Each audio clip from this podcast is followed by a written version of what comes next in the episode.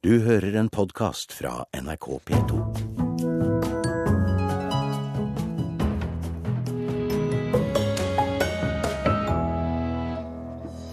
Språkrådet bekymrer seg over at åtte av ti e-bokkjøpere under 30 år kjøper sine bøker nettopp på engelsk. Kulturministeren vil ha mer butikk i kulturlivet.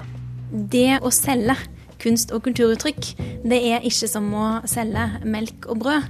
Man trenger et helt annet virkemiddelapparat. Og dette apparatet skal koste foreløpig 15 millioner kroner, og hvordan det ser ut skal vi få vite senere i sendingen. Og 'Rebell' er en film fra Afrika om krigens grusomheter som har fått priser på mange festivaler. Nå kommer den på kino i Norge, og vi anmelder den. Det kan true norsk som eh, språk, og særlig i bøkene, om for mange kjøper e-bøker på engelsk i stedet for på norsk. Det mener Språkrådets direktør. En undersøkelse gjort av NRK, som ble presentert i Dagsrevyen i går, viser at åtte av ti under 30 år av dem som kjøper e-bøker, har kjøpt dem på engelsk. En standard, eh, klassisk kjemperotete bokhylle med ganske mange lag med bøker. Ja. Så jeg hadde en liten sånn oppregning for litt siden og kom til at jeg har vel noe sånt som rundt 1000. Og det var ikke helt meningen. Jeg prøver liksom ikke å samle opp så innmari mye, men det blir fort en del, ja. Kristin Hamran Storusten har ei velfylt bokhylle, mellom annet med mye norsk litteratur. Men på lesebrettet hennes går det mest på engelsk. Her ligger noe av det siste. Da er det The Old Man and the Sea, som var det siste. Så er det The Land of Decoration. Den hørte jeg anmeldelsen av på Kulturnytt, og så fant jeg den engelske utgaven, for det var enklere. Så er det Every Man Dies Alone. Det er en tysk bok. Hun skulle gjerne hatt flere norske e-bøker, men engelske er både billigere og enklere å få tak i. Ja, det er pris og tilgjengelighet, helt klart. Og at, eh, at når man også leser på en måte ganske mye, så føler jeg, altså jeg føler at jeg på en måte uansett kjøper ganske mange bøker, men jeg kjøper flere. sånn at det kan godt hende at jeg bruker mer litteratur enn jeg bruker mer penger på bøker enn jeg ville gjort eh, hvis jeg ville kjøpt færre hvis de var dyrere. Eh, men det er veldig lett når det er relativt billig og veldig lett å laste ned. ja. Ei undersøking Norstat har gjort for NRK viser at åtte av ti under 30 år kjøper e-bøker på engelsk. Det uroer direktør i Språkrådet, Arnfinn Muruvik Vonen. Hvis det er slik at eh, man leser engelsk fordi det er billigere, og fordi utvalget er bedre og det er lettere tilgjengelig på engelsk enn på norsk, så er det eh, ikke så bra. Da er det bekymringsfullt. På sikt kan ei slik utvikling svekke norsk som bokspråk, mener han. Og hvis e-bokmarkedet nå da tar av, blir større, og det innafor den delen av boklesinga blir mer engelskdominert, ja da kan jo det i verste fall bety en svekkelse av norsk som bokspråk, og det er ikke noe bra. Og han får støtte fra forfatter og språkviter Helene Uri. Ungdommens språk er fremtidens språk, og det er de som er de fremtidige språkbrukerne i dette landet. Det er de som skal ta vare på, på norsk, og det er de som skal sørge for at vi fortsetter å bruke norsk i Norge. Administrerende direktør Kristen Einarsson i Den norske forleggerforening mener konkurransen fra engelskspråklig litteratur ikke er noe nytt. Nei, men altså, Den har vi møtt i alle år. For det første så er det slik at Hver fjerde nordmann leser papirbøker på engelsk. Vi kommer ikke unna det, og det er fordi at det norske folk vil lese engelsk. De har lyst til å utvikle språket. Det er bare fint. Vi må sørge for å holde i gang et, et godt og spennende norsk bokmarked ved siden av det engelskspråklige. Men han vedgår at det er vel mange unge som kjøper engelske e-bøker, og det vil han gjøre noe med. Altså, Vi er i gang nå med å utvikle det norske e-bokmarkedet. og Når den forskjellen som fremkommer av undersøkelsen viser at det er stor forskjell på under 30 og over 30, så må vi se nærmere på hvorfor bruker de under 30 lengre tid på å, å veksle over til, over til e-bøker på norsk. Kristin Hamran Storusten er fornøyd med lesebrettet, men håper det i framtida skal bli enklere å velge norske e-bøker. Det er jo det jeg likte veldig godt med å lese på et lesebrett, at det er faktisk en dings som bare er til å lese på. Som ikke har masse andre funksjoner i det hele tatt. Eh, Så jeg er veldig fornøyd med den eh, som et lesebrett, men jeg skulle gjerne kunne lese norske e-bøker på den også. Og bruke det. Kristin Hamran Storhusten, leser og Espen Alnes, reporter. Agnes Moxnes, kulturkommentator her i NRK. Er hun en typisk leser vi har møtt? Iallfall en typisk e-bokleser. Altså en leser som impulshandler bøker. Hører på Kulturnytt en anmeldelse eller leser om en bok i, i en avis, og kjø, øyeblikkelig kjøper eh, boka. Eh, Og det vet man eh, gjennom store internasjonale undersøkelser, at det er sånn e-bokkjøpere handler. Og at de antageligvis kjøper fler, eller at de kjøper flere bøker, og kanskje egentlig bruker mer penger på bøker på e-bøker enn de gjorde da de kjøpte papirbøker. Så det vil, også er de veldig bevisste på tilgjengelighet og pris, og så er de gode i engelsk. Og dette er jo en stor eh, konsumentgruppe eh, som leser mye bøker, men som man kan si norske forleggere kanskje ikke har skjønt så veldig mye av. For vi hørte henne akkurat si at hun hadde kjøpt klassikeren 'Alle dør alene' på engelsk, mens den jo også er nyoversatt til norsk eh, nå nettopp for to år siden. Er det et symptom på hva som kommer til å skje? Ja, det er det. fordi at nå 6.6 kommer Jon Nesbø med den nye romanen sin eh, 'Politi'. Den kommer til høsten, så kommer den på engelsk og, og en del andre språk. Og vi vet at eh, enkelte lesere venter til høsten for å få den boka til eh, halve prisen. Og det er jo sånn vi kan gjøre nå, fordi at vi lever rett og slett i en diger digital bokhandel, alle og enhver av oss. Så denne statistikken som Norstat har laget for NRK, den viser altså at 500 000 nordmenn leser e-bøker. Eh, av dem som gjør det, så er det 81% av de under 30 som kjøper bøker på engelsk, og så er det 44% av dem over 50 år. Men er ikke det de samme som tidligere kjøpte pocketbøker på engelsk? Ja, altså Jeg hører Kristin Einarsson si at vi alltid har kjøpt engelske bøker, og det har vi gjort. Men de engelske bøkene har vi i stor grad kjøpt på i norske bokhandlere. Og Det er den store forskjellen nå. det er at Pocketboksalget går veldig ned pga. e-boka. Og vi kjøper det ikke lenger fra norske bokhandlere, men fra de store internasjonale e-bokleverandørene som da f.eks. Amazon og iBooks osv. Det er ventet et forslag til eh, boklov som regjeringen vil legge frem antageligvis i morgen hvis de skal få den igjennom eh, lovmøllen. Men vil den ta tak i både bøker og e-bøker? Ja, akkurat det er faktisk ganske spennende nå. fordi at eh, bokbransjen, de vil, altså både forleggere, bokhandlere og forfattere, vil at e-boka og papirboka skal behandles likt. Altså at de skal ha faste priser eh, over en viss periode. Og det betyr jo egentlig i Norge høye, faste, høye priser. Men det vi ser nå for fullt, gjennom også den undersøkelsen som ble presentert i Dagsrevyen i går, det er at nå kommer konkurransen fra utlandet virkelig for fullt. Og da er ikke utfordringen bare stor på språk, men det er også vi, reiser, vi glemmer jo kanskje norske forfattere til fordel for utenlandske forfattere. Så det kan jo være at Hadia Tajik nå rister seg fri fra bokbransjens eh, kommersielle ønsker og tar politisk føring i denne saken her, og lar e-boka fortsette å leve i det fri, og altså utsetter den for konkurranse. Takk skal du ha, Agnes Moxnes, kulturkommentator.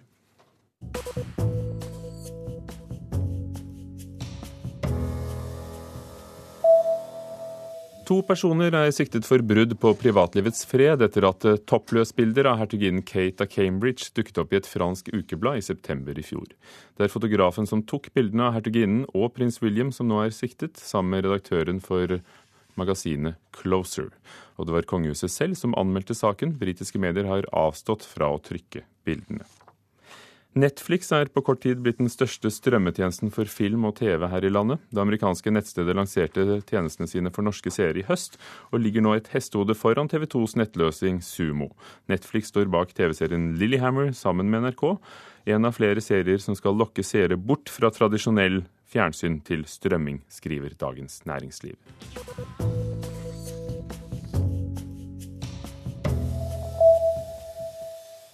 Hamar, og dermed hele Innlandet, får nå en ny filmfestival. Hamarama skal være en festival der publikum får se kvalitetsfilm fra utlandet, og hvor lokale filmskapere kan vise sine filmer. Fordi at vi ikke har noen fra før. og eh, Det syns vi jo mangler her i Innlandet. Og vi syns Hamar er det rette stedet å ha det. Ha det. Styreleder i Hamar kino Tor Ullestad og kinosjef Espen Jørgensen møtes til de siste forberedelsene. Dette er for eh, publikum. Nå er de klare til å åpne Hamars og Innlandets egen filmfestival. Hamarama skal være en festival for kinopublikummet, ikke filmbransjen. I tillegg satser festivalen spesielt på filmer av lokale filmskapere. Og Vi syns det er naturlig også å lage en visningsarena for eh, de som jobber med film i Innlandet. Jeg syns det var veldig kult da jeg så at eh, det skulle arrangeres en egen filmfestival på Hamar. Kristoffer Kumar fra Hamar er en av de lokale filmskaperne som får vist filmene sine på den nye filmfestivalen. Den lokale regissøren bak dokumentarfilmen 'Sayonara Elverum' om popbandet Team Me syns det er viktig at Innlandet nå får sin egen filmfestival. Absolutt. Det at de lokale filmskaperne får vise seg fram på festivalen, syns jeg er et veldig kult uh, grep. Da. Og uh, det er på høy tid at uh, det er sånn, for det produseres mye bra lokalt. Da. Det er på tide at det kommer noe sånt i Hamar òg. Henrik Dalsbakken fra Hamar. Den nye kortfilmen hans 'Blåmandag' har verdenspremiere på filmfestivalen i Hamar på torsdag. Filmen fikk mye oppmerksomhet for et par uker siden da en rekvisitt fra innspillinga utløste bombealarm i byen. Storaksjon i Hamar etter funn av bombelignende gjenstand viste seg å være uten eksplosiv Det skapte der en del uh, furore, beklageligvis, da, når det ble funnet. I samarbeid med den internasjonale filmfestivalen Kosmorama i Trondheim satser Innlandets nye filmfestival på å vise filmer som ennå ikke har hatt premiere på norske kinoer, og heller kanskje ikke får det. Så Det er både en, en salig blanding av eh, kvalitetsfilm, men som noe går ikke i vanlig distribusjon, mens noe går i vanlig distribusjon. Samt at du har de lokale filmskaperne, som vi også viser fram. Den spanske stumfilmen Blanca Nieves Hey, Stoker, what do you go by Stroker now? Og den britiske-amerikanske filmen Stoker er to av 30-talls filmer som vises i Mjøsbyen de kommende dagene. Men er det behov for enda en filmfestival i Norge? Det mener vi, og skal det være en festival til, så skal den ligge på Hamar. Vi har en tradisjon for å være en kinoby. Eh, Vi har et veldig godt kinobesøk eh, per innbygger. Her liker folk å gå på kino. Eh, Og samtidig så har det vært tradisjoner langt, langt, langt tilbake i Hamar. Så vi mener at dette er et riktig sted, sentralt plassert. Eh, Holdt på å si øst, vest, nord, sør, med god kommunikasjon til sentrale strøk og flyplasser mv. Så ja, det mener vi det er behov for. Tor Ullestad, styreleder i Hamar kino, Espen Jørgensen kino og festivalsjef for Hamarama, som åpner i dag i Hamar, til reporter Stein S. Eide. 17 minutter over åtte, Nyhetsmorgen i NRK med disse overskriftene. Norwegian bryter norske regler dersom selskaper skal fly til og fra Norge med asiatisk personell, mener organisasjonen til de ansatte.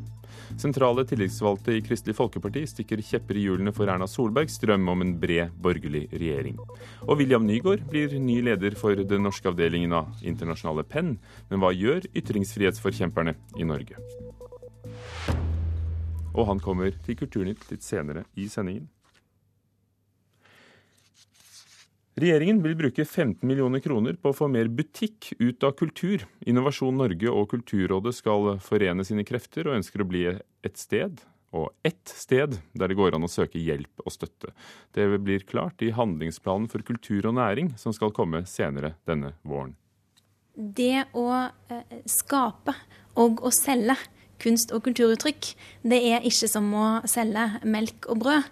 Man trenger et helt annet virkemiddelapparat, og det etablerer vi nå. Sier kulturminister Hadia Tajik. Verdiskapingen og sysselsettingen i kulturnæringene har vokst kraftig de siste årene. Likevel har det vært utfordringer knyttet til å lage forretning av kulturprodukter og opplevelser. Nå strekker regjeringen ut en hjelpende hånd. Jeg tror at eh, folk nok før har følt eh, at de faller litt mellom to stoler når de skaper kunst og kultur, som det òg kan være et kommersielt potensial rundt. Nå sørger vi for at eh, det ikke skal skje, ved at Norsk kulturråd og Innovasjon Norge samarbeider, hjelper de som har en god kulturkrydderidé, og skaffer de noen av de verktøyene de trenger for å lykkes med sitt prosjekt. Det er Kultur-, Kommunal- og Næringsdepartementet som sammen står bak handlingsplanen for kultur og næring, der det nye innovasjonsprogrammet vil bli presentert. I første omgang legger hvert av de tre departementene fem millioner kroner i potten. Det betyr 15 millioner kroner som skal gi gründere bedre mulighet til å ta sjanser. Kompetanseutvikling og en egen mentortjeneste vil også være blant tilbudene. For kommunalminister Liv Signe Navarsete er det også viktig at kultursektoren faktisk vokser mest utenfor de store byene. Kultur er uttrykk for identitet. Eh, Det er, det målbare verdier eh, som eh, både er spesifikke for det enkelte lokalsamfunn, by eller bygd, og det er med å gi både stolthet og bygge opp om de gode kreftene som utvikler et lokalsamfunn. Så dette handler om arbeidsplasser, ja, det handler om kultur. Men det handler òg om alle de ringvirkningene som de arbeidsplassene gir, eh, knytta til nettopp identitet, det ekte, det autentiske uttrykket. Tiltaket fra regjeringen faller i svært god jord hos organisasjonen Arts and Business, som jobber for å styrke samarbeidet mellom kultur og næringsliv. Direktør Øyvind Stålseth er positivt overrasket over det han hører. Etter at Innovasjon Norge eh, la ned eh, sektorsatsinga si på kultur- og opplevelsesnæringene i starten av 2011, så har, eh, så har, det vært et vakuum. Kulturrådet og Innovasjon Norge sammen sitter på en del av løsningene hver. Og det, Derfor er det positivt at uh, man nå har sett at det kan være smart å få disse miljøene til å tenke sammen. Det som er så fantastisk med kunst og kultur, er jo at det, det har en dimensjon som overhodet ikke kan måles i penger eller i økonomiske verdier. Samtidig som det kan ha en næringsdimensjon eh, og et salgspotensial, et verdiskapingspotensial, som vi her bygger opp om. Hadia Tajik, kulturminister, reporter Thomas Alvarstein Ove.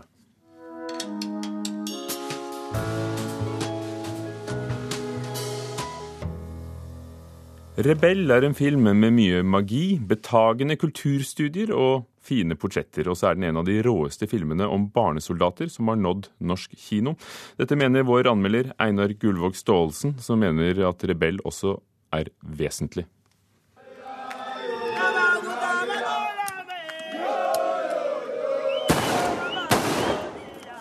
Opprørsherrer i Afrika rekrutterer ikke barnesoldater, de stjeler dem. De rykker inn i landsbyer og tar de de kan bruke, og dreper de andre. Den første dagen blir barnesoldaten tvunget til å skyte et menneske eller to som står dem nær. Kommuner må skyte sine foreldre. Når det er gjort, er den psykologiske trimmingen for en effektiv og dyktig soldat langt på vei gjennomført. Kommuna blir barnesoldat. Hun er tolv år. Hun blir gift som 13-åring og mor som 14-åring, og flyktning fra det grusomme voldsregimet omtrent samtidig. Hun burde vært hjemme og gitt sine foreldre en anstendig grav før hun selv ble mor. Vi har sett tilsvarende i flere afrikanske filmer. En av de sterkeste handler om Nigeria. Rebell har uklar geografisk adresse. Det er mulig at det er slik av sikkerhetsgrunner. I den filmen heter det at tingene skjer i et land sør for Sahara. Opptakene gjort i Kongo, vet vi. Men regissøren er kanadisk, med kanadisk mor og vietnamesisk far. Kim Nguyen heter han. Det virker som han kjenner sitt stoff. De som spiller rollene, vet også hva de er med på.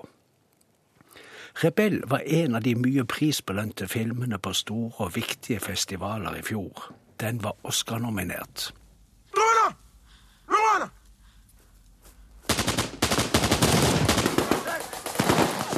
Den er en film om barnehæren og dens ledere. Det er knapt noen med våpen som vet hvorfor de skal skyte og drepe. De får bare beskjed om det.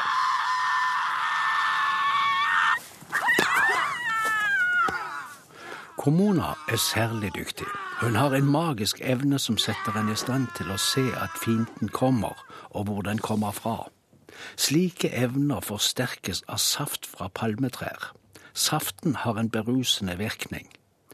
Magi er en meget vesentlig kraft i krigføringen. Den er drivkraft.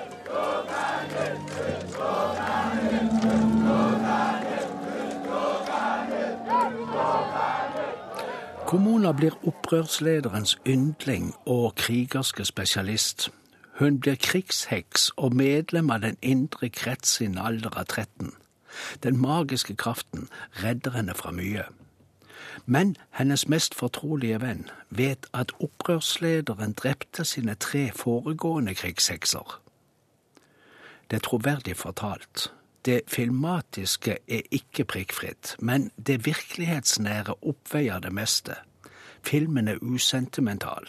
Vi opplever fandenskapen uten slør av følelser. Yes! Yes!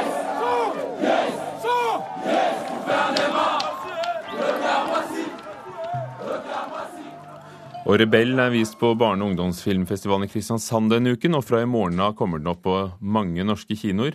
Som minner om at i Mørkets opplevelser i P2 klokken 19 i kveld gjør Einar Gullvåg Staalesen oss kjent med filmer og folk fra festivalen som akkurat har funnet sted i Kristiansand.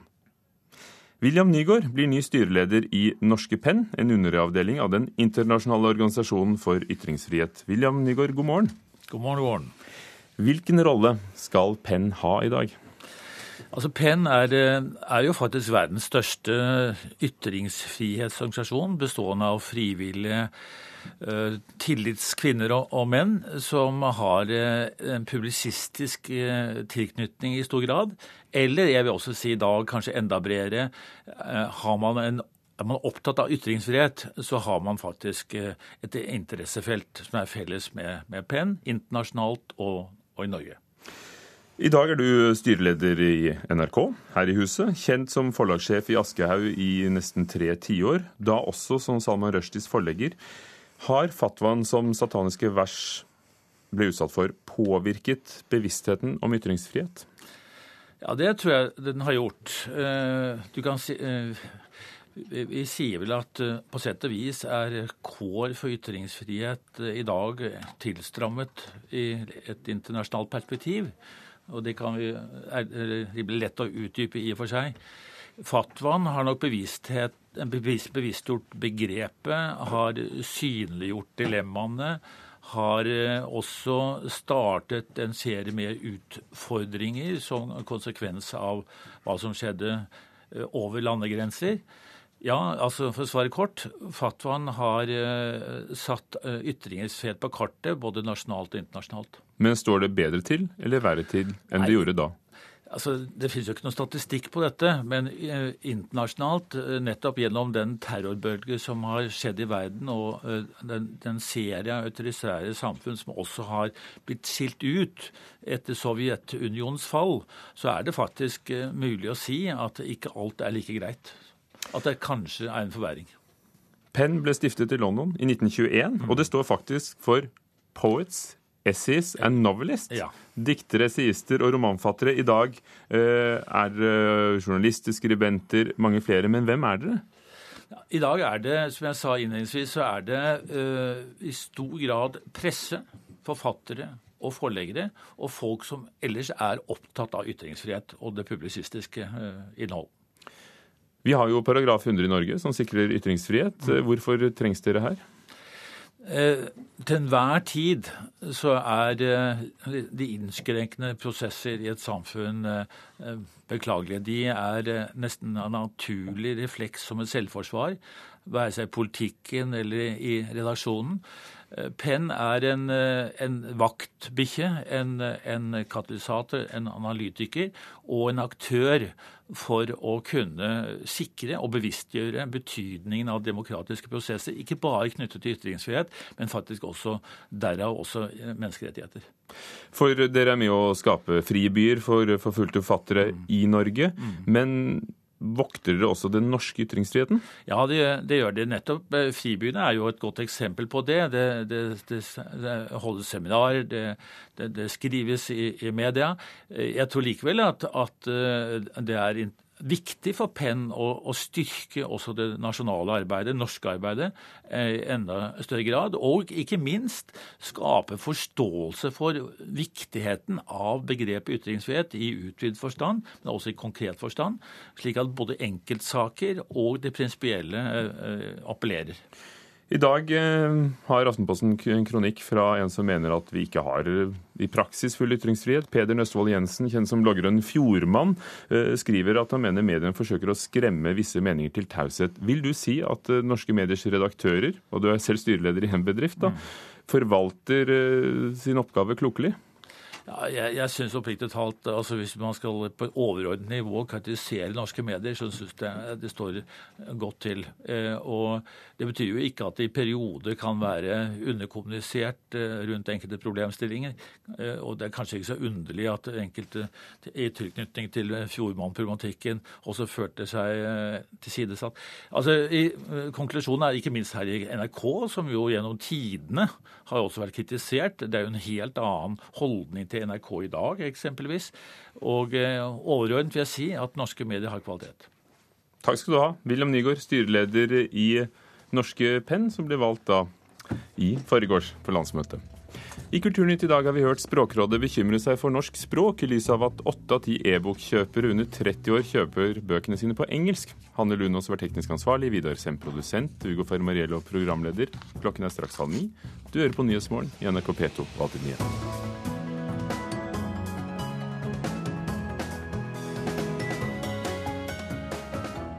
Du har hørt en podkast fra NRK P2.